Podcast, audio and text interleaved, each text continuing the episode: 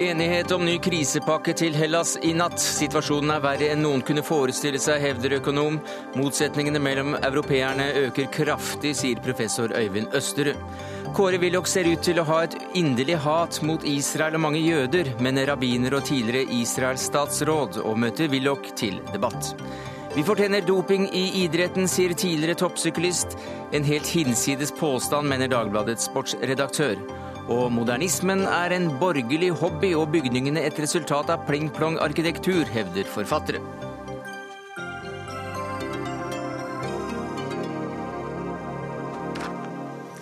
Ja, det er noen av sakene i Dagsnytt 18 denne tirsdagen, der vi også ser på situasjonen i Kongo, som står i fare for å utvikle seg til både en intern og regional storkrig. Men først til Europa, for etter 13 timer med forhandlinger ble altså Europa og eurolandene og Det internasjonale pengefondet i natt omsider enige om en ny økonomisk støttepakke til Hellas. Løsningen går bl.a. ut på å kutte den greske statsgjelden med 300 milliarder kroner, og utbetale ytterligere 320 milliarder i gunstige lån. Og Ida Wolen Bakke, du er seniorøkonom i Handelsbanken. Hvem kan glede seg i dag? Først og fremst så er det godt nytt for den greske staten. De er i akutt pengenød. Eh, og disse nye låneutbetalingene vil eh, gjøre det mulig for dem å skyte inn ny kapital i de kriserammede bankene, og ikke minst betale leverandører lønn til offentlig ansatte og, og pensjoner. Men det er altså både gjeldskutt og ny lån? Ja, det er også lettelser i betalingsbetingelsene. De får lavere renter og lengre tilbakebetalingstid på, på lånene sine, som vil gjøre det litt lettere for dem å få statsgjelden ned på et bærekraftig nivå. Hegemo Eriksen, du er på plass i Brussel. Hvordan er dette mottatt i Europas hovedstad og i Aten? Ja, I Brussel er det for første gang på lenge tegn til litt optimisme. Eurosonens leder Jean-Claude Juncker sa i dag at dette bærer løftet om en ny fremtid for Hellas. I Hellas så var meningene litt mer delte om det. En av de største greske avisene hadde et fjes med et stort smil på forsiden i dag, mens en annen mente at denne avtalen var et katastrofalt kompromiss. Så det er delte delte reaksjoner mellom de som mener det er en forsiktig grunn til optimisme, og de som mener at dette bare er å utsette problemet, og at eh, Europa før eller siden vil komme til å tape masse penger på Hellas. Hvor stor er den politiske enigheten som ligger bak eh, kveldens forhandlinger? Ja, De har jo hatt tre maratonmøter i løpet av de to siste ukene. og I dag så kom lederne ut av EUs råd her i Brussel klokka tre om natta og sa at dette har vært svært vanskelige forhandlinger. sånn at det er klart at de har vært kraftig uenige her. Problemet har vært at alle har skjønt etter hvert at Hellas har for stor gjeld. Så stor gjeld at Hellas ikke lenger klarer å bære den. Striden har stått om hvordan man skal få ned denne gjelden. Eh, pengefondet bl.a. ville at eh, man skulle stå fast ved en motsetning om å få ned gjelden til 120% av bruttonasjonalprodukt innen 2020 en langsiktig målsetning om å få eh, kraftig ned gresk gjeld. Det ville bety at eh, mange europeiske land kanskje ville måtte slette en del av sin gjeld til Hellas, og Tyskland har gått kraftig imot det. Slik at nå har man fått til et kompromiss, kompromiss hvor man gir eh, Hellas eh, litt eh, enklere lånebetingelser, eh, og så håper man at det kan, kan, bidra til at gjelden går ned. Takk skal du ha, Hegemo Eriksen i Brussel. Ida Wolden Bakke. En ny dag begynner, uttalte altså den greske statsministeren i etterkant av at denne krisepakka ble offentliggjort. Er det grunn til så stor optimisme? Nei, altså Konsekvensene dersom de ikke hadde fått disse låneutbetalingene, hadde jo vært uh, alvorlige. Uh, og det er et, et lite framskritt. Det gir dem et lite pusterom. Men også jeg frykter at, uh, at, dette ikke er nok. At det vil bli nødvendig med en større restrukturering, altså en nedskriving av gjelden på et senere tidspunkt. For vi skal huske at i bytte mot disse låneutbetalingene, så har den greske staten og myndighetene forpliktet seg til å gjennomføre nye sparetiltak og strukturelle reformer.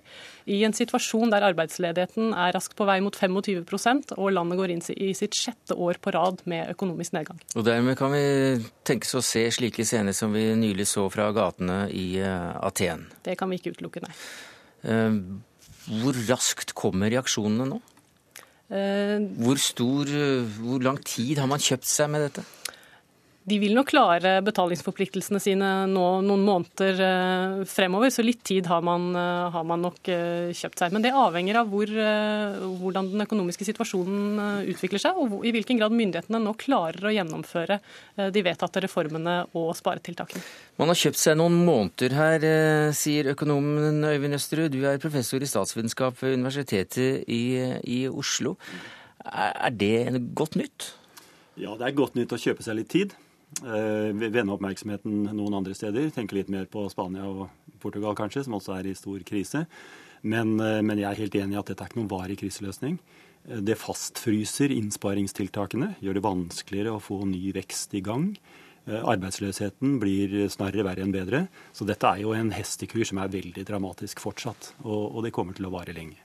Ja, altså Hva slags virkning kan en slik pakke ha på de steile frontene som nå er vokst fram i, i landet? Eh, det demper dem litt i den akutte fasen. Jeg, jeg var tilfeldigvis i Aten for 14 dager siden da disse voldsomme scenene utspant seg. Og, og, og, raseriet er jo enormt, og det ligger rett under overflaten hele tiden. Så jeg, jeg tror det gir en pustepause, men ikke så veldig mye mer enn det. Men i lys da av disse krisepakkene som vi først og fremst har sett til, til Hellas, men Spania og Portugal er jo også innom slike ting i økende grad, så viser dette en slags motsetning mellom Nord- og, og Sør-Europa. Og hva, hva bunner den i, og hvor mye skader den EU-prosjektet? Ja, Den bunner jo først og fremst i at den, de økonomiske forholdene er veldig forskjellige. Uh, ulik uh, lønnsomhet i eksportindustrien. Eh, ulik næringsstruktur, offentlig sektor er forskjellig. Det er veldig mange strukturforskjeller i økonomien i Nord- og Sør-Europa. Lønnsomheten er mye lavere, konkurranseevnen svakere i, i, sør. Så det bidrar jo til å forsterke noen spenninger som, som har ligget der veldig lenge. Og, og jeg tror også at, at eurosamarbeidet, at de har en altså det som skulle være en slags frigjøring med en felles pengeenhet, er blitt en tvangstrøye for søreuropeiske land. Eh, de kan ikke devaluere, de kan ikke regulere renten selv. Det er blitt en tvangstrøye som gjør at motsetningene blir skarpere enn de ellers hadde behøvd å være. Ida Wolden Bakke, vi hørte Østerud her nevne Spania og Portugal f.eks. Eh, hvordan eh, vil EU nå takle situasjonen i disse to landene, nå som liksom Hellas er plassert på vent, i hvert fall i noen måneder? Ja, nei, Fokuset vil nok raskt vende tilbake til, eh, til, Spania. Der har vi lenge ventet på at den spanske regjeringen vil søke om eh, krisehjelp. Eh, noe som vil kunne åpne for at den europeiske sentralbanken kan støttekjøpe spanske statsobligasjoner. Som vil kunne bidra til at lånekostnadene i Spania kommer ned på et, et mer bærekraftig nivå. Takk skal du ha, Ida Wolden Bakke. Eh, vi skal holde oss litt i Europa og se på EU også som et prosjekt for for integrasjon. For Even Østre, du har vært opptatt av nasjonsbyggingprosesser og nasjonalstaters vekst og fall i en drøy generasjon. I dag så ser vi også at eh, flere grupper ønsker å løsrive seg fra sentralmakten, og sist da med valget i Catalonia. Hva er det som skjer? Ja, Det er jo en gjenoppblomstring av gamle regionale uavhengighetsbevegelser som, som har gjort seg gjeldende gjennom uh, lang tid. Går hundrevis av år tilbake i noen tilfeller. Uh, hvor det har ligget sånne spenninger. De har følt seg undertrykt av sentralmakten. Dette er til dels de rikeste regionene i Europa. Flandern er rikere enn Valonia, og Flandern ønsker å løsrive seg. De føler at de subsidierer fattigere, en fattigere del av landet. Catalonia er en rikere del enn Spania for øvrig, og føler at de subsidierer en fattigere del av landet. Samtidig som de er kulturelt undertrykt og har en historisk berettigelse som egen stat. Mange av dem føler det. Så, så det, er en, det er en slags økonomisk uavhengighetsbevegelse nå på toppen av en gammel spenning som har ligget i disse landene gjennom veldig lang Og den kommer nå pga. Eh, den økonomiske krisen? Nå, nå, blir den utløst og forsterket av den økonomiske krisen, fordi, eh, fordi dette er et press også på disse regionene. Eh, arbeidsløsheten i Catalonia går også opp mot 25% og de føler at de gir mye mer til den spanske stat enn det de får tilbake. Skottland. det forsterkes av krisen. Skottland? Skottland er noe av det samme. De, de har jo et økonomisk hovedargument og det er kontroll over nordsjøoljen. Mm. Altså De ønsker opp mot 90% av inntektene av nordsjøoljen. Ligger gunstig an i så henseende. Og har det økonomiske argumentet, i tillegg til at det også er en gammel eh, nasjon på mange måter, som, som har vært, eh, ja, følt seg undertrykt, underlegen i forhold til England. Nord-Italia? Eh, Nord-Italia, Padonia, Padonia, eller som de kaller det, kaller det, det, det, er jo også noe av det samme. Det er den rike delen av Italia som føler at de subsidierer et fattig, korrupt mafia orientert eh, Italia lenger sør. Sånn at det er ofte de rike delene som har en følelse av at vi er mye rikere enn den politiske innflytelsen vi har. Vi har mye svakere politisk innflytelse enn økonomien skulle tilsi. Og dette gjør at uh, uavhengighetsbevegelsen får vind i seilene. Men allerede salige professor Rokkan i Bergen, som jeg vet du var, eh, har vært eh, opptatt av, nevnte jo spesielt Belgia som det landet som kanskje først kommer til å bli splittet opp. Men allikevel så har det holdt sammen siden han sa dette her på 70-tallet. Så det er kanskje interessant også å se hva, hva har limet vært her, da? Hva er limet som gjør tross alt at disse statene holder sammen? Ja, limet er to ting. Det ene er at eh, resten av landet vil ikke la dem gå for dette er rike deler av landet. Det har betydning for hele sammenhengen i, i staten. Eh, de frykter at andre regioner kan gå samtidig, de kan sprekke opp fullstendig. Og så er det også sånn at det er kostnadskrevende å gå ut. Det er ikke fullt flertall. Og det er heller ikke noe stort flertall i noen av disse regionene for full løsrivelse. De ønsker indre selvstendighet, men det koster mye penger å bli en selvstendig stat. De skal fordele gjeld, de skal forholde seg til EU, de skal kanskje få reforhandle en EU-avtale. Eh, de skal eh, bli enige om, eh, om, fordeling av en rekke goder, penger, gjeldsbyrder. De har gjeld i euro, f.eks., som gjør at de da umiddelbart ville tre ut av eurosamarbeidet, og så må de forholde seg til den nye situasjonen som oppstår. Og så skal de opprette ambassader overalt i verden, og mye av dette koster penger. Så, så det, er ikke, det er ikke bare enkelt å tre ut av en etablert stat. Nei, for uh, vi, vi, snakket om, om nord-sør-dimensjonen her uh, i Europa. Vi har snakket om interne konflikter der uh, nasjoner i stater prøver å løsrive seg fra statene. Men det vi snakket mest om for noen år siden, det var jo faktisk noe som ikke er på dagsordenen i det hele tatt akkurat nå, nemlig de tidligere østeuropeiske landene som kom inn i EU nærmest en blokk og, og utgjorde noe ganske annerledes i integrasjonsprosessen. Men erfaringene derfra tilsier vel at det har gått bedre enn, man fryktet? Det har nok gått bedre enn mange hadde fryktet. De har fått uh, relativt stabile demokratiske systemer. Det er litt knurring rundt situasjonen i Ungarn og rundt situasjonen i Romania, men, uh, men relativt sett så er det gått bedre enn mange fryktet. Uh, det som er noe av problemet der, det er jo også at de har et stort problem med arbeidsmarkedet. Det er veldig mange som tar jobber og flytter over til Vest-Europa. Greier seg ikke hjemme, føler ikke at det er tilfredsstillende. Så det er, jo, det, er jo, store økonomiske problemer også i de østeuropeiske landene. Men, eh, men, de er ikke berørt på samme måten som den akutte krisen som Hellas nå er oppe i. Hvorfor ikke? Nei, Det er mange grunner til det. Altså, de har, dette, er, dette, er, land med, med, en, med, en, relativt robust økonomi, tross alt. Eh, det mange, Hellas, Hellas har vært lite konkurransedyktig. Og, og, og, det har også vært en fordel for en del land å være utenfor for eurosonen. Det varierer jo en del for de østeuropeiske landene, men det har, har, nok vært en fordel for en del land å være utenfor. De har et, et spillerom som, som, de som er innenfor eurosonen, ikke har. Og så har de også fått store hjelpepakker og mye investeringer fordi de har rimelig arbeidskraft. De har billig arbeidskraft som har ført til at vesteuropeiske land har investert der. Men så er det da mange som ser på det, det, som et klart faretegn eh, for situasjonen at velgermassen ikke befinner seg til de grader i midten som i, eh, i rolige og fredelige tider, men at ytterpartiene vokser. Hvor er det vi ser den tendensen klarest? Ja, vi ser den klarest i Hellas, hvor, eh, hvor ved siste valget så var det ytre høyre og ytre venstrefløy som hadde størst fremgang.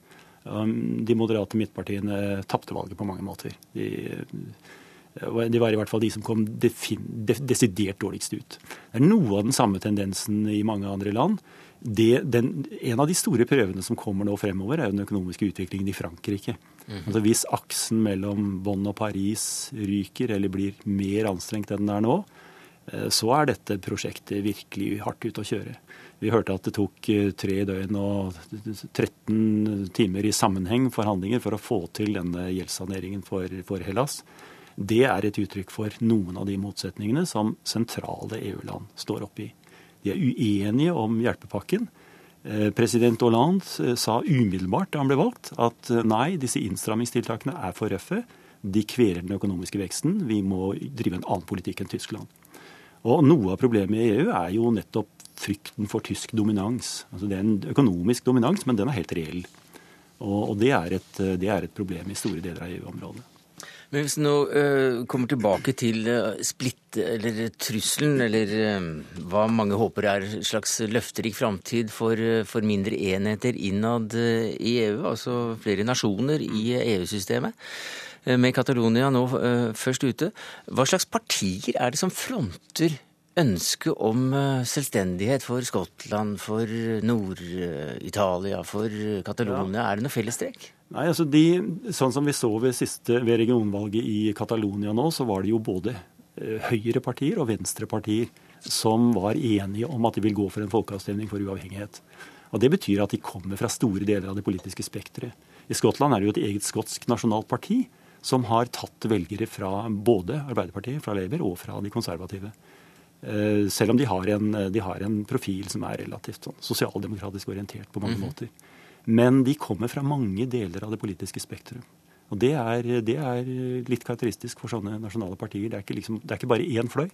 Men, men, de kan samle støtte fra mange kanter. Så det er ikke det man er vant til å forbinde med fotballtilhengere som står og heier på sitt lille, lille lag, ganske sjåvinistisk? Kanskje de mest aggressive delene av bevegelsen, men når det kommer til valg og til de tunge velgergruppene som støtter en del av disse partiene, som har fått stor oppslutning, så, er, så går det langt utover disse ekstremistgrupperingene. Jeg nevnte at eh, Stein Rokkan eh, spådde Belgias eh, oppsplittelse allerede på 70-tallet. Det har ikke gått så fort. Når tror du vi får den første nye nasjonalstaten i Europa, i, i EU? Nei, Jeg tror det sitter langt inne. Jeg tror det kan gå tiår til, både i Belgia og i Storbritannia og i Spania. Og Det er kanskje økonomien snudd, slik at ja, det kan den også, sånn at vinden blåser i en annen retning. Dette snur jo ofte ganske fort. Og det skal mye til å få et stabilt flertall for uavhengighet. Og det skal veldig mye til å oppnå en forhandlingsløsning med moderlandet. Så, så dette sitter jo ganske langt inne. Takk skal du ha, Øyvind Østerud, professor i statsvitenskap ved Universitetet i Oslo. Hør Dagsnytt 18 når du vil, på nettradio eller som podkast. nrk.no – dagsnytt 18.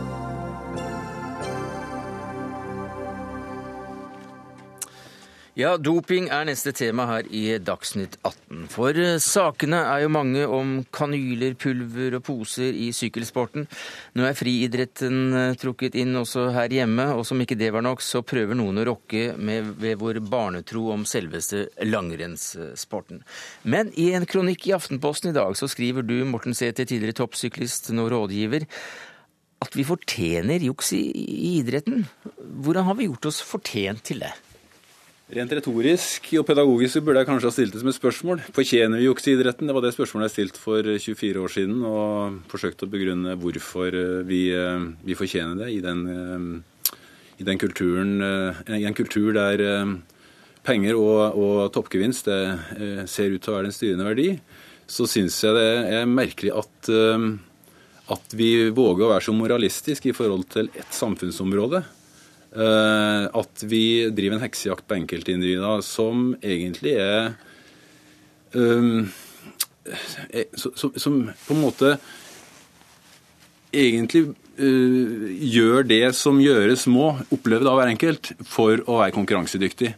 På andre samfunnsområder så um, Eh, som jeg trekker frem i den kronikken og intervjuet i Aftenposten i dag. Så, ja, som, som, som, for eksempel? Som for eksempel i landbruket. Mm. Så tillater vi en ekstrem, eh, en ekstrem, bruk av teknologi og sprøytemidler for å optimalisere eh, og gjøre landbruket profitabelt, samtidig som vi påfører vår fremtidige generasjoner problemer. Mm. Men det er klart at det er veldig lett å ta tak i idretten, for det er så synlig. Eh, eh, så det jeg, det jeg ønsker å oppnå, er ikke å forsvare doping. Men jeg prøver å forklare hva, er, hva, slags mekanisme er det som gjør at Ja, du, du, gjør noe mer enn det. for Det du sier, det er at det er en kolossal dobbeltmoralisme ute og går. Siden innenfor alle andre felt så å si, av samfunns, samfunnet vårt ja, så er det lov å ta innersvinger. Og når man sprøyter ja. i landbruket, kan man sprøyte i en menneskekropp også for ja, å øke ytelsen? Ja, på en måte så synes jeg det blir dobbeltmoral at vi er så moraliserende. Mm. Eh, overfor et samfunnsområde. Eh, og ære være eh, at idretten ser ut til å bli renere. Men jeg reiser jo også spørsmålet hvilket annet samfunnsområde ville ha funnet seg i en så nitidig mm. personlig kontroll for å sikre renhet? Og jeg stiller jo det, spørs, det retoriske spørsmålet har vi behov for ett samfunnsområde, så i hvert fall ett område som er rent og synlig, fordi vi har så mye kollektiv uh, umoral. I så, bankvesenet, og du nevner ofte for eksempel, ene ja. journalistikken så, så, så, så, bare sånn at det er sagt, et, et tvisyne i forhold til hvordan man håndterer enkeltutøvere som enten kanskje har eller har tråkka over en strek. Eh, det har jeg da i en alder av 53 år. Jeg har, blitt, jeg har fått litt mer tvisyn. Jeg er ikke så, Ja. så bombastisk lenger. Skråsikkerheten tror jeg egentlig Men du var jo ikke det for 25 år siden, for at du skrev akkurat det samme da. Så, så mye Du er blitt eldre, med å, men er han blitt klokere, Snoseti, Nei, jeg syns, ikke, jeg syns jo ikke det. Jeg er enda eldre. Og jeg, synes, altså jeg, jeg skjønner hva du jeg skjønner på sett og vis hva du sier, og jeg, jeg tror det med tvisyn er, er fint. Men det som ikke er fint, er jo logikken din. Fordi om, vi, fordi om vi er dårlige på en del områder, så er vi nødt til å være dårlige innenfor idretten også. Den har jeg kjempestore problemer med. Altså, Vi kan ikke gå inn i idrettens etiske konflikter fordi vi ikke har løst en del andre etiske problemer. Den mener du vel egentlig ikke? Det har jeg vel heller ikke skrevet Jo, eller sagt. det har du skrevet. Da har du lest eh, det jeg har skrevet som en viss F leser Bibelen. Det håper Fordi, jeg ikke. fordi at jeg har ikke sagt at vi må akseptere at toppidrettsutøvere doper seg. Fordi at andre samfunnsområder doper seg. Men jeg har prøvd å forklare at det er naturlig at man i en stenar konkurranseidrett kan Altså at det er like naturlig der at vi strekker strikken langt som på andre Jo men, jo, samfunnsområder. men, jo, men ansvaret er jo akkurat det samme. Altså Det individuelle valget har jeg lyst til å gjøre det gærne, eller har jeg lyst til å gjøre det riktige. Du forteller Mm. jo selv om dine etiske dilemmaer på 80-tallet, og det er fint at, Mm. at du forteller om det. Men du er jo nødt til å si noe om gjorde jeg det riktige, eller gjorde jeg det gærne. Sitter jeg her 20 år etterpå med dårlig samvittighet fordi jeg gjorde det gærne? Det er helt greit, det. Altså, jeg har ikke noe behov for å fordømme noen verdens ting. Men jeg har behov for at ledere innenfor idretten kan snakke om rett og galt. Der- der har vi jo felles utøvere- målsetting. Ja, vi har det. Og at utøvere innen idretten kan skjønne hva som er rett og gærent. Jeg bruker hver eneste kveld på unge mennesker og trener dem frivillig. Mm. Og jeg syns dette er helt nødvendig spørsmål å stille seg. Men jeg når- tror, jeg tror vi har et felles mål det, om at uh, nulldoping er en målsetting. Altså renhet, er for så vidt innenfor ethvert samfunnsområde, er en målsetting. Men oppnår vi den målsettinga ved å være moralister, og det å være dømmende og, og, og, og henge ut enkeltpersoner så kraftig som vi jo, gjør? Gjør, du det? Eh, nei, ikke på den måten. Men nå kommer du fra en idrett som ikke har oppnådd noen verdens ting gjennom 20 år. Hvor har du det fra? Eh, Syklingen har ikke oppnådd noen verdens ting. Først de siste årene, når man begynner å ta dette, eh, dette på alvor, at man kommer med blodverditester, så begynner man å se slutten på noe. Og det er bare noen måneder siden den aller største helten innen sykling ble veltet. Og han hadde benektet og benektet og benektet. Og du snakker i kronikken din om Steffen Kjærgaard som om, som om han jeg, jeg, jeg syns veldig synd på den dagen, men samtidig så syns jeg veldig synd på alle de menneskene han har tråkket på underveis. De menneskene han har snakket stygt om. Han har skjelt dem ut. Men han er ikke her, men, men her er kronikkforfatteren her. Ja, kronikkforfatteren her, Han bruker Steffen Kjærgaard som et eksempel. Ja. Og er nødt, Du er nødt til å tenke på de eksemplene du dytter fram. Lance Armstrong og Steffen Kjærgaard. Altså, Hvordan har du tenkt å, å få det renere i idretten, da? Hvis vi ikke skal ta opp og sette krav til lederne våre om at de må ta dopingen alvorlig. Har jeg sagt at vi ikke skal stille krav til lederne våre? Har jeg skrevet sagt det noen plass? Ja, men du, siterer, Ja, du siteres i hvert fall. Jeg kan sitere det her på, at, eh, på en, en yrkesgruppe som du syns er ganske dobbeltmoralistisk, og det er altså journalister og kommentatorer. Uh, For du sier prektige journalister og kommentatorer og en storm av fordømmende uttalelser i alle mediene. Ja, det preger eh, saker om doping. Det syns jeg er gjennomgripende. At vi, at vi tør å, og, at vi, at, og at vi løfter det som et så ekstremt viktig sak. Jo, men, jo, men i, i år Jeg var aleine om å skrive om doping i flere måneder mens vi sendte vår første dopingdømte utøver til OL. Ingen annen kommentatorer eller aviser hadde lyst til å skrive om det. Hvis ikke vi hadde mast om det, så hadde ikke de dopingsakene som har kommet opp etterpå, skjedd. Det er faktisk nødvendig å være ærlig. Du kan oppleve det som en heksejakt, men her er, det jo, her er jo heksen virkelighet. Det er jo lille forskjellen. Hvor lett tror du det blir for, for andre som har tråkka over, å våge å stå fram men som hva, en hva er du, over? hva er du venter? hva- Hvor lett tror du ja, men hva er hva er du venter det? når folk har gjort feil? Det, det er jo ikke lett. Så, altså, jeg gjør feil i livet mitt, du gjør feil. Det er, det er vanskelig hver eneste gang. Hvis vi skal begynne å si at vi ikke skal sette opp normer for hva som er riktig og gærent, Da blir det fullstendig feil, det vi driver med. Men altså, Jeg har jo aldri uttrykt at vi ikke skal sette Jo, opp jo, du normer. stiller jo et spørsmålstegn her eh, ved hele, ved hele dopingkampen, ved hele kontrollsystemet. Og det, og det er rart, eh, det kontrollsystemet. Det er rigid, det kontrollsystemet. Men først og fremst så, så, så setter du jo opp en type spørsmålsrekke som ender med at vi ikke får noe effektivt forsvar for, for den rene idretten du sier du har lyst til for, å å ha. si det, for å si det sånn, det jeg spør om, hvilket annet samfunnsområde ville ha funnet seg en så nitidig Jeg personlig ønske, kontroll? jeg skulle ønske at det var sånn på mange områder, og det er jo det. Vi har jo økonomisk kriminalitet. Eh, Vi prøver jo å ordne det også. Det fins eksempler på angiversystemer i kulturer vi ikke liker å, å sammenligne oss med òg. Jo Angiveri, det er jo det vi nettopp ser med den Würzig-saken, er ikke det? Er det ikke, er det ikke angiveri at kona har an, an, angitt eh, den tidligere mannen sin? Ja, vel, Du, du syns at det er det viktigste ved den saken? Nei, jeg, jeg sier ikke at det er det viktigste, men Nei, er det men det, jeg, er det, syns, det jeg syns du må nivået vi tenke holder på på? hvordan er, du legger, hvordan er du legger fram ting i forhold til det å få en ren idrett. Og når du ikke er, er villig til å være med på at eh, vi må ta belastningen og prate om ting, fall som er vanskelig for, oss, for alle oss mennesker, vi må, vi må tørre å prate om det. Når du har lyst til å feie det meste under teppet fordi, fordi du Jeg vet ikke hva du egentlig ønsker, rett og slett, men i hvert fall fordi du sammenligner eh, det som er gærent med det som er gærent på andre områder. Ja, og Hvorfor skulle jeg ikke gjøre det? Hvorfor er det naturlig ja, det at idretten det, men det holder ikke. Du kan ikke si 'jeg gjør mange feil', Hvorfor men det betyr betyr ikke noe særlig fordi, fordi det blir gjort mange feil på andre områder Ja. også. Du kan ikke, altså, Åssen det- moral er dette her. Det, det, kan, det kan du kanskje si at enkelte kan ta det her til inntekt for at nå endelig en som gjør at uh, Du er så relativistisk, altså, ikke sant? Endelig en som nå øh, tilfredsstiller ethvert menneskes behov for å sette opp de forklaringene som fristiller seg sjøl. Det er jo ikke det jeg ønsker å oppnå. Men selvfølgelig kan enkelte lese kronikken på den måten. Ja, fordi at alle andre er, er så gærent, alle andre samfunnsområder er Ja. så gærent, så kan jeg tillate meg å, å, å tråkke over noen grenser. Ja, det er vanskelig å ønsker ikke jeg lese den ikke å sånn, men det er fint du sier det, for det er veldig vanskelig å ikke lese den sånn. Vel, vi får se hvordan folk leser den. Både folk og smådjevler leser vel eh, som de vil antakelig. Takk skal du ha, Esten Sæther, sportsredaktør i Dagbladet. Morten Sæther, er- dere er kanskje ikke brødre? Ja, ikke langt unna. Navnebrødre, er det ikke det? Ja. Tidligere toppsyklist og rådgiver, takk skal dere ha.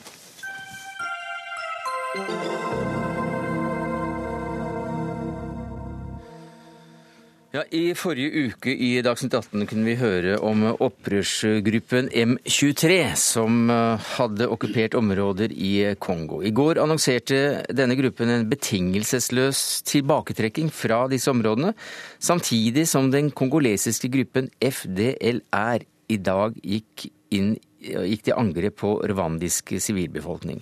Altså, dette er jo da en utvikling og en situasjon som eh, på oss som ikke har så mye greie på dette, virker ganske uoversiktlig, men svært alvorlig. Hvordan ser du på det, Randi Solfjell? Solhjell, du forsker på dette ved, ved NUPI. Jeg syns det er en veldig eh, fastlåst situasjon, sånn som det er nå. Det er krav fra kongolesiske myndigheter om at M23 skal trekke seg ut. M23 nekter å trekke seg ut. Eh, De, vil ha, de har sine krav mot regimet i Kinshasa, i hovedstaden i Kongo. Og på den andre siden så har vi en part som heter Ravanda, og de benekter også all eh, innflytelse og all involvering i dette, dette som nå skjer. Ja, for du var der også i forrige uke og spådde at denne gruppen FDLR kunne bli en faktor i dette, og nå fikk du altså rett. Men hva har da skjedd siden sist du var her? Altså FDLR har, vi har litt, det er litt ubekreftede, de, de, det som kommer derfra. For det er altså Ifølge ravandiske hæren så har FDLR angrepet eh, Ravanda på, fra, altså der ved grensen i Nord-Kivu-grensen, som også grenser mot Ravanda. Og eh, i Ravanda har svart med å gå til angrep på disse og spredd de inn i Kongo igjen. Og også noen har klart å komme inn i Ravanda, hevder de. Eh, det er ikke kommet u, altså, uavhengige vitner på dette her. Eh, Men det er en ganske dramatisk eh, bevegelse, eller eh, resultat. Og det kan være et grunnlag for Ravanda også gå inn eventuelt i Kongo. Jaha. Så vi kan risikere å få en regional krig? Det kan, det kan være en konsekvens. Det, hvis ikke så, altså, så fastlåst som situasjonen er nå, så kan det ha konsekvenser for hvordan nabolandet Ravanda vil reagere, og hvordan eh, selve staten Kongo også velger å reagere. Så nå har begynt å si at de gå til angrep på M23 i Goma. Men er noen av disse gruppene øh, leiesoldater fra Rwanda? Altså, de har nok helt klart et, de har en bakgrunn fra Ravanda og regimet. Altså M23 er sannsynligvis støttet av Rwanda og regimet der. Og regimet i Rwanda er et resultat av de som vant mot folkemorderne i 1994. Tutsi og Tutsi. Ja. Og de som er FDLR, består av de som utførte folkemordet i 1994, som ble fordrevet inn i Kongo, og som i dag består av ulike fraksjoner, men har den historien bak seg. Men hva er det da dette hele dreier seg om? Eh, det med M23 spesielt, og det som skjer i Goma nå, det handler om særlig maktposisjonering. Eh, det handler om kontroll og privilegiene som M23 og de, de besto av eh, i den kongolesiske hæren før de brøt ut. De hadde, gode, de hadde privilegier eh, som regimet i Kinshasa truet med å ta fra dem. Og da brøt de ut av eh, regjeringshæren og ønsket å, å, å, få tilbake disse privilegiene og vise at de har mer kontroll enn det eh, Kabila og hans regime har i Kinshasa. Men er det et opprør mellom folkegrupper? Eh, det er først og fremst, vil jeg si, i hvert fall et opprør altså maktposisjonering heller enn mellom folkegrupper. Odd Evjen, du er spesialrådgiver i Kirkens Nødhjelp. Du kjenner også dette området godt. Situasjonen i Kongo har ofte blitt kalt den glemte humanitære krisen. Det var også overskriften på BBC World eh, i dag. Hvordan vurderer du eh, den humanitære siden i området, bortsett fra at den er glemt? Jeg tror den viktigste inngangsporten for vår tenkning i Kirkens Nødhjelp er hvordan vurdere kvinnene i Kongo, hvordan vurdere barna og hvordan vurdere de som nå er på flukt, situasjonen. Og Dette er en ny omdreining i lidelsen, en ny omdreining i prekær matvaremangel. Eh, det går man nå, det er skyhøye matvarepriser, det er ikke rent vann. Folk henter vann i Kivosjøen, som er forurenset, det er stor fare. Eh, og det er en, en situasjon som, hvor vi også har eh, militære grupper som ikke har kontroll i forhold til voldtekt og, og i forhold til overgrep på lokalbefolkningen. Ja, hvilke rapporter er det du får derfra? Igjen så er det, som Randi sier, ubekreftede meldinger. Det vi ser, er at eh, den kongolesiske hæren som var på flukt ned mot Minova, den, den har begått overgrep mot kvinner. Så det er, det er ikke M23 som nødvendigvis begår overgrep, men det er i en militær situasjon hvor du har et gevær som, eh, som eneste maktmiddel, så, så, uansett hvor du kommer fra, så er det lett å ty til overgrep. Solhjell, den kongolesiske hæren, hvilken posisjon har den i området nå? Så de er jo, Mange av de er fordrevet som Odd her sier, ned til Minova, som er 60 km sørvest for uh, Goma. Det som nå skjer, i hvert fall får jeg beskjed om at Kabila har jo også skiftet ut noen av generalene. Presidenten? Presidenten, og han har nå skiftet ut noen av generalene til de han stoler mest på, for å disiplinere hæren og for å styrke dem til å eventuelt ta igjen i en, i en kamp i Goma. Men du nevnte altså uh, en mulig krig mellom Rwanda og, og Kongo. Uh, hvorfor skulle en slik krig blusse opp nå? Hvilke interesser har Rwanda f.eks. i dette området? Så jeg vil jo på en måte ikke tro at Rwanda forhåpentligvis vil gå så langt. Sannsynligvis, eller En mer sannsynlig utfall er at de kanskje tar seg inn med enkelte soldater i eh, regi av at de vil beskytte sin suverenitet. Eh, og sin integritet. Men de har også både en historisk eh, altså opplevelse med at Nord, eh, Nord-Kivu har mange av de som begikk folkemordet, fortsatt til stede i området. Det er en historisk faktor, men det er også en faktor med det med kontroll over landområder og eventuell handel i de områdene. For Jeg er vant til når vi snakker om, om Kongo også å snakke om enorme ressurser, om gull og diamanter og, og kampen om det. Er, det. er det det vi ser her nå? Jeg personlig mener at det er mer den altså Selvfølgelig har dette det, også det i seg, men det handler også om, om en maktposisjonering og kanskje en, altså et ønske om å, at M23 ønsker en sterkere rolle i Kinshasa mm. f.eks. Men eh, FN er jo inne her med styrker? Ja, altså FN har jo et mandat til å beskytte sivile. Eh, de har ikke noe spesielt mandat til hvordan de skal håndtere M23. Og de har et mandat som sier at de skal hjelpe med å stabilisere området gjennom den regjeringshæren som er i Kongo. Og regjeringshæren har nå flyktet. Så hva eh, gjør FN da?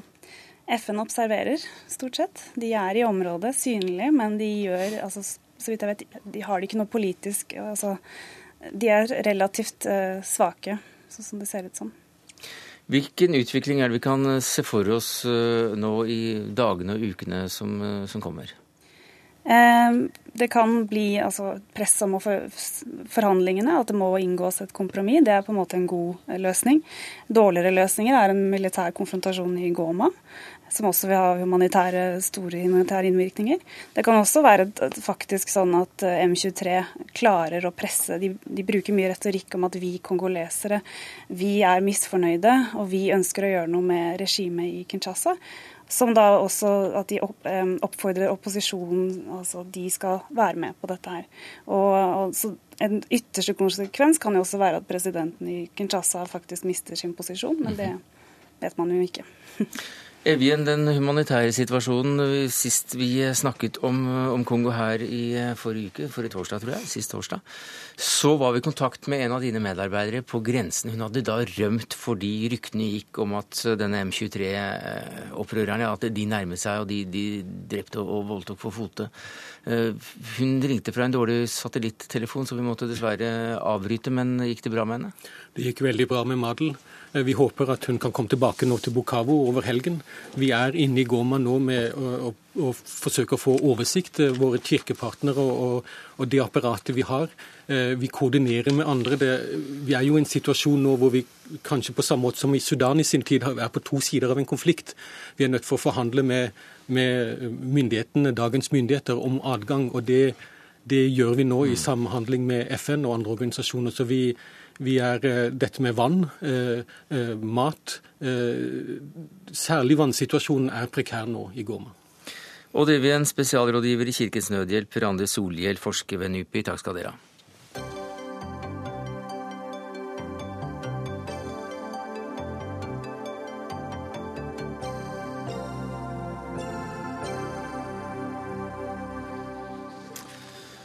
Det er merkelig å oppleve hvordan Israel eller jødene får skylden for det meste som er galt i verden. Ja, slik begynner boka La Israel tale, hvor journalist Jon Solsvik intervjuer ti israelere om konflikten med palestinerne. Espen Ottosen, du er forlagssjef for Lunde forlag, som har gitt ut den boka. Er det virkelig slik at jødene får skylda for alt dette i dag? Altså, dette er jo en bok om Israel. Eh, nå har vi hatt en eh, krig eh, som er blitt veldig grundig dekket i norske medier. Det er ikke lenge siden det ble lagt fram en rapport som viser at selv akkurat nå i Norge så vrimler det av fordommer mot Israel, og det fins antisemittisme og jødehat i Norge. Jeg tror at en av grunnene til det er den veldig negative pressedekningen vi ofte ser av Israel. Jeg har ikke tenkt å sitte her og forsvare alt det israelske politikere gjør. Nei, men det skal vi ikke, For vi har med en israelsk politiker, i hvert fall ekspolitiker. Mikael Melkjord, du er tidligere rabbiner i Oslo du, og tidligere israelsk minister. Og du er en av dem som er intervjuet i denne boka, og kommer der bl.a. med en viss kritikk av Kåre Willoch. Hva er det som plager deg med Willochs engasjement i denne konflikten? Det som plager meg, er ensidighet. Øh, jeg har lenge arbeidet, faktisk hele mitt liv, imot ensidighet. Jeg har arbeidet for fred, og jeg bruker det meste av min tid øh, med palestinere og med israelere for å forsøke å finne nye veier hvor vi kan legge konflikten bak oss. Og uh, heldigvis finner jeg mye mer forståelse for fred blant palestinere enn jeg finner hos folk som Kåre Willoch. Denne form for ensidighet, for intense hat, det er det jeg frykter, fordi det gjør at vi ikke kommer videre. Vi kommer ut av, av disse fiendebilder eh, som kun skaper eh, hat, hat, mot Israel, eller mot Palestina for den saks skyld. Det finnes også folk eh, blant Israel-venner som har det samme form for hat mot Palestina som Kåre Willoch har mot israelere og mot jøder. Og, og det er den form for hat som jeg, som jeg, frykter. For det gjør at vi ikke kommer videre, at vi ikke bygger en ny verden, at vi ikke bygger fred. Og Det er det som jeg frykter slik. Et intens hat mot Israel og Israels folk, Kåre Willoch? Ja, dette er jo så langt fra virkeligheten som det overhodet er mulig å komme. Og Melchior har jo ikke spor av grunnlag for denne salven i noe av det jeg har skrevet og sagt. Det jeg legger stor vekt på, er jo at det er svært viktig for Israel å avslutte okkupasjonen av palestinsk land, og det er viktig for Israel å avslutte denne brutale blokaden. Men hva sier, du til, hva sier du til beskyldningene? Ja, Jeg må vel negge her at det, dette som jeg sier nå, det sier f.eks. også Anne Sender, som er tidligere forstander i Det mosaiske trossamfunn i Oslo. Å si at dette er hat mot Israel, er jo mange mil så langt fra virkeligheten som det overhodet er kommet. Men jeg, jeg, kan ikke la være å oppfatte det sånn at når man slipper opp for argumenter mot den okkupasjonspolitikken og mot denne blokaden, så blir det lett til uh, raseri fra Melchiors side. Det er beklagelig, men jeg håper han blir beroliget av mine forsikringer det er overhodet ikke spor av hat mot Israel eller jøder i noe av det jeg har sagt, og ikke noe av det jeg føler. Melchior? Tale mot okkupasjon det kan jeg gjøre minst like godt som uh, Willoch. Det er ikke det som er problemet. Problemet er ensidighet, problemet er løgn, problemet er usannhet, som gjennom 25 år i den verbale kampanje hat, ensidig hat som Willoch har ført imot Israel. Det er ikke plassen her for å legge alt frem. Når man, når man sier om, om, mennesker at de a priori ikke kan være egnet til, til stillinger fordi de er jøder, så, så, er det, øh, så er det en, en, en, form for kampanje imot, øh, imot mennesker, og selv folk som, som Willoch Øh, kaller fremragende historikere som Benny Morris, professor Benny Morris, har måttet gå ut og, og, og, og tale om Willochs øh, historieløshet. Øh, det er, det er liksom den kampanjen Hver som har fulgt den norske debatt i de siste 25 år, vet hvor ensidig Willochs innlegg er. Det er en form for ensidighet. Den kommer vi ikke videre med. ved. Det får vi ikke gjort fred med. Jeg må få svare her. Det er ikke påvist en eneste løgn i noe av det jeg har sagt om disse problemene. Når du viser til Benny Morris, var forholdet at han snakket om dypest sett en løgn, fordi jeg ikke viste til at en rekke andre nasjoner har vært gale også, i okkupasjonspolitikk osv. Men eh, han sa jo selv at det har dreiet seg om to dusin mot massakre mot palestinere fra jødiske kampgruppers side. Det var ikke noe løgn at jeg da snakket om at disse massakrene hadde funnet sted. Og Det er altså slik at her, her blir jeg beskyldt for løgn og usannhet og ensidighet uten at jeg er i stand til å vise noe som helst eksempel på det. Nå sikter Melchior kanskje til min omtale av Rahm Emanuel, som er en særdeles anerkjent dyktig idealist, men som hadde vært frivillig i en av Israels kriger mot araberne. Og det eneste jeg sa, var at jeg var bekymret over at han, som var så klart og sterkt og idealistisk for Israel, kanskje ikke var den beste til å ha et objektivt standpunkt til mm. palestinske krav mot israelske krav. Det er aldeles ingen nedvurdering. Det var tale om en oppvurdering av denne beundringsverdige personen, som altså har et klart pro-israelsk standpunkt som man må respektere, selv om man mener at han da kanskje ikke passer best i fredsprosess. Ok, la, la, oss, la, oss, ta den ene ut. La oss lige ta den ene uttalelsen og se hvordan han kan forvri noe. Han var altså, ifølge det Willoch sier, frivillig i Israels krig mot araberne. Ok, La oss se hva det var Willoch sa. Willoch sa i Dagsnytt i desember 2008, da man spurte ham om det var en sjanse for Obama kunne gjøre noe for freden, så sa Willoch følgende uttalelse. Det ser jeg ikke lyst på, fordi Obama har jo valgt en stabssjef som er jøde. Det var Willochs uttalelse. Det var slett ikke det han sa nå. Og hvilken krig var det som Israel førte, som denne Ram Emanuel var frivillig i? Det var en krig, det var den første Golfkrig, som Israel overhodet ikke var med i. Det var en krig hvor Irak, hvor Saddam Hussein sendte noen raketter inn over Israel. Det var krigen som Israel mm. førte. Jo, og denne Ram Emanuel han, han var ikke deltaker i denne krig. Han var sivil som kom for å reparere noen lastvogner i en krig som Israel overhodet ikke førte, mm. for Israel overhodet ikke var med i denne krig.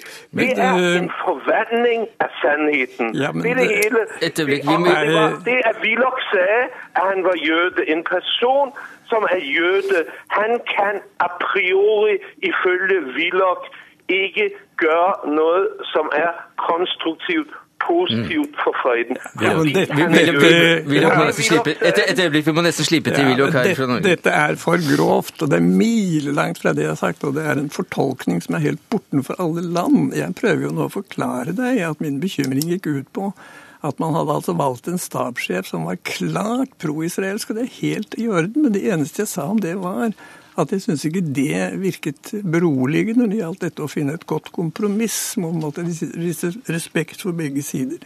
Og dette at det, Jeg har ikke kritisert et øyeblikk at Rama Emanuel meldte seg frivillig til denne krigen. Det er jo beundringsverdig idealistisk. Men å delta i krigen på den ene siden her så ikke jeg som noe beroligende når det gjaldt å finne det riktige kompromiss mellom Israel og palestinerne. Og det er altså her tale om å dikte på meg en rekke meninger som jeg overhodet ikke er. Men kan nå ikke du da være selvskverdig og bli litt beroliget av det? forsikrer deg at din bekymring og din tro på at jeg hater jøder og hater Israel, er rett og slett bortenfor alle land. Hadde nær sagt tull. Altså, det er feil. Det er feil, rett og slett. Øh, Det er, jeg glad, det er glad for å høre, men jeg bare siterte det, du sa. Du sagde, han kan ikke hjelpe for å gjøre fred, fordi han har valgt en stabssjef som er jøde. Direkte nei, jeg sa jo ikke det. Nei, nei. og, og Kåre Willoch, jeg har slået citatet opp igjen for fem minutter siden. Det var præcis det, du sa. Kan, jeg er glad for, at du har ændret mening siden da. Og jeg kan sitere deg en hel række andre citater. Hvis du trekker igjen, og hvis du beklager over for det norske folk, dine synspunkter, så synes jeg, at det er all ære værd. Men så Nei, men jeg beklager. Det, og, ikke, og, ikke si, og ikke si at det ikke var det, du sa. En hver Nej, kan gå inn i, i det interview og se, hva du har sagt. Det allting er, er opptatt, og, og du kan ikke bare Vil Willoch må må nesten få slippe til her Ja, fra altså, studio. dette er en fortolkning av en enkelt setning. Jeg kunne ikke få plass til mer fordi programmet var slutt, men jeg forteller at meningen med den setningen var og har hele tiden vært en viss bekymring for at man kanskje hadde en stabssjef som ikke ville ha god forståelse for palestinernes krav. Men jeg mente jo også at det kunne man prøve, hvis jeg kunne et øyeblikk fordi han var israelsk kampmann, og det er veldig respektabelt å være det. Men i en meglingsprosess var det ikke noe galt i å ønske en person som var mer nøytral. Men du dikter altså på meg og tolker meg som jeg skulle mene ting som jeg aldeles ikke mener, og aldri har ment. Bli nå litt beroliget at jeg forteller jeg aldri ment det som du tror at jeg mener. Ja, er du, Jeg, er du mener, vi beroliget? må se fremover, og, og jeg mener, at hvis vi, hvis vi skal gjøre fred, så må vi slutte med å, at se på folk, fordi de er jøder, eller fordi de er palestinere, at de a priori ikke kan være med til å gjøre fred. Jeg arbeider hver dag med folk, som er palestinere, ledende palestinere og ledende jøder, øh, som er fredssøkende. Og derfor skal vi slutte med å stemple dem. Og vi skal slutte med å føre slike hatkampanjer. Jeg har aldri hørt Kåre Willoch kritisere palestiner for noe som helst. Det er ikke tale Hør nå, hør nå her, gode. Det er overhodet ikke tale om noe hatkampanje. Det er overhodet ingen forestillinger om at jøder er mindreverdige enn andre. Aldri antydet noe som meningsløst. Det er overhodet ikke snakk om noe annet enn politiske standpunkter som du kanskje ikke liker, men jeg understreker, som f.eks. Anne Sender, som også har vært forstander i det mosaiske trossamfunn, understreker. Denne okkupasjonen av palestinsk land kan bli til fryktelig skade for Israel selv. Og denne blokaden av Gaza kan bli til fryktelig skade for Israel selv. Så jeg mener at det er til beste for Israel om de gir opp okkupasjonen og gir opp blokaden. Jeg tror vi setter strek for, for den, samtalen, eh, den samtalen vi har mellom Mikael Melkjord, tidligere rabbiner i Oslo og tidligere israelsk statsråd, og Kåre Willoch, tidligere statsminister, skribent og debattant her. Eh, Espen Ottosen, forlagssjef altså fra, for Lunde forlag, informasjonsleder også i Misjonssambandet. La Israel tale heter denne boka, som er utgangspunktet for eh, denne smule meningsutvekslingen her i Dagsnytt 18-studio i dag. Men er det, er det slike karakteristikker eh, israelere har av norske politikere jevnt over i denne boka di? Dere har nok funnet det saftigste sitatet eh, mot slutten av boka. Eh, men det jeg syns er kanskje det aller mest interessante i den boka i lys av denne debatten vi hørte nå, det er jo at det f.eks. er et intervju der med Benny Morris. Og Kåre Willoch har vært med i utallige debatter og fortalt norske folk hva Benny Morris mener. Nå kan altså det norske folk lese et intervju, et grundig, ganske langt intervju med Benny Morris. Eh, og veldig mye av det Benny Morris forteller der, han er jo en meget respektert israelsk historiker, det ligner ikke helt på det bildet Willoch gir. Og det er jo det jeg syns er det problematiske. At når Willoch forteller hvordan israelsk og forteller historien, så blir han, som Melchior sier, veldig, veldig ensidig. Willoch, du, du skal få svare på det, men jeg tror at eh, hele foredraget kan vi vente med til en annen gang. For en debatt om akkurat Morris er jo vel verdt en egen runde. Men hva sier du til det innspillet? Absolutt. Men altså, jeg er ikke i stand til når jeg skal holde et foredrag eller debattinnlegg og lese opp hele Benny Morris' beundringsverdige verk. Men det må være lov til å sitere Benny Morris' opplysninger om disse massedrapene som førte til at palestinerne rømte fra landet sitt. Og det samme skriver jo Jean Pappy i denne boken. her. Men det er bare et bitte lite element av hele den forferdelige historien om hva som skjedde i Palestina rett etter annen Men nå skulle uh, Jeg Willoch få lov å runde av. Jeg har ikke gjort noe annet enn å bringe nøyaktige sitater av Benny Morris og Ilan Pappy, men jeg har ikke pretendert å gjengi hele boken deres. Jeg vil absolutt anbefale deg å lese den, og lese Benny Morris' boken. har lest Men Benny Morris. Likte ikke at jeg tok disse tingene frem, for han mente det ga et litt ensidig bilde. Jeg er ikke enig i det. Men når han sier altså det var ikke mange massakrer på palestinerne, det var bare to dusin, så er jeg uenig i at det var lite. Jeg mener det var mye. Og det er ingen tvil om, som Ilan Pappy skriver her, at det var slike massakrer som førte til at 700 000 palestinere måtte rømme fra sine hjem og ikke fikk lov til å komme tilbake. Mer om det i et eget innslag om uh, denne uh, intellektuelle fra Israel som har skrevet uh, historien om diverse krigshandlinger. Takk skal du ha, Kåre Willoch, tidligere statsminister, skribent og Espen Ottosen, forlagssjef for Lunde Forlag, informasjonsleder i Misjonssambandet, og til eh, deg fra Israel, Mikael Melchior, tidligere rabbiner i Oslo, israelsk statsråd.